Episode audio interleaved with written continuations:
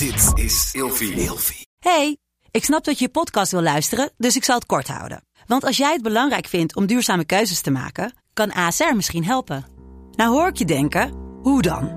Nou, bijvoorbeeld bij het duurzaam herstellen van schade. Of de premies die we beleggen volgens ons duurzaam beleggingsbeleid. Dat bepaalt waar we wel en juist niet in investeren.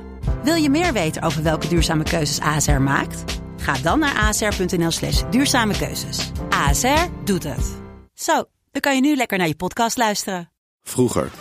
Meneer de Munnik, we bespreken deze week het onderwerp ontdekkingsreizigers. En in deze aflevering hebben we altijd een verhaal in de categorie Wist je dat? We gaan het hebben over de overwintering op Nova Zembla.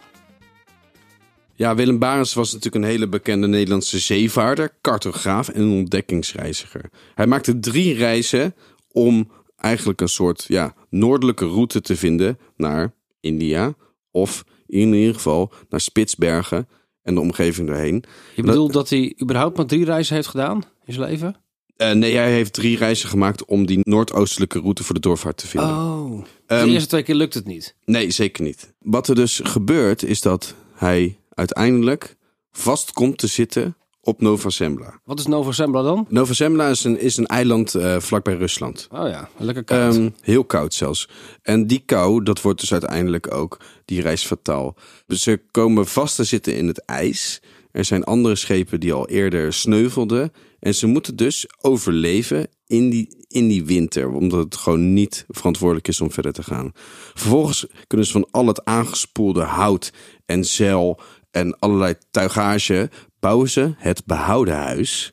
En ehm, het behouden huis op Nova Zembla. En daarin weten ze dus te overwinteren. Ze bouwen een, ze gaan de boot uit. Ja, ja ze, boot gaan- uit, ze hè? moeten de boot uit, want anders Oh. vries je dood. En je moet jezelf gaan beschutten tegen die, ja, die moordende winter. En Maar- daar wonen geen mensen. nee, er wonen geen mensen, helemaal niks. En ook dus ook tegen ijsberen.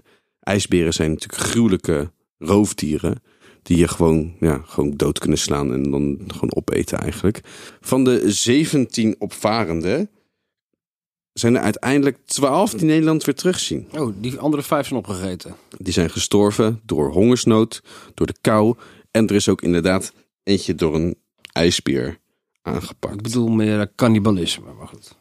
Nee, ze hebben elkaar niet opgegeten. Zo, zover ging het niet.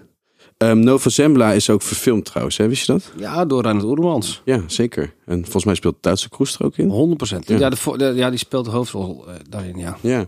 Ehm, nou, Willem Barens is een Nederlandse ontdekkingsreiziger. En uiteindelijk hebben ze dus de Barentszee ook naar hem vernoemd. En het is hem gelukt, de reis. Nou, het is hem in zekere zin gelukt, want ze zijn dus uiteindelijk opgepikt door een ander Nederlands handelsschip. En een week na de redding overleed Willem Barens. Dus hij is nooit teruggekomen in Nederland. Nee, Zonde. Tot morgen. vroeger.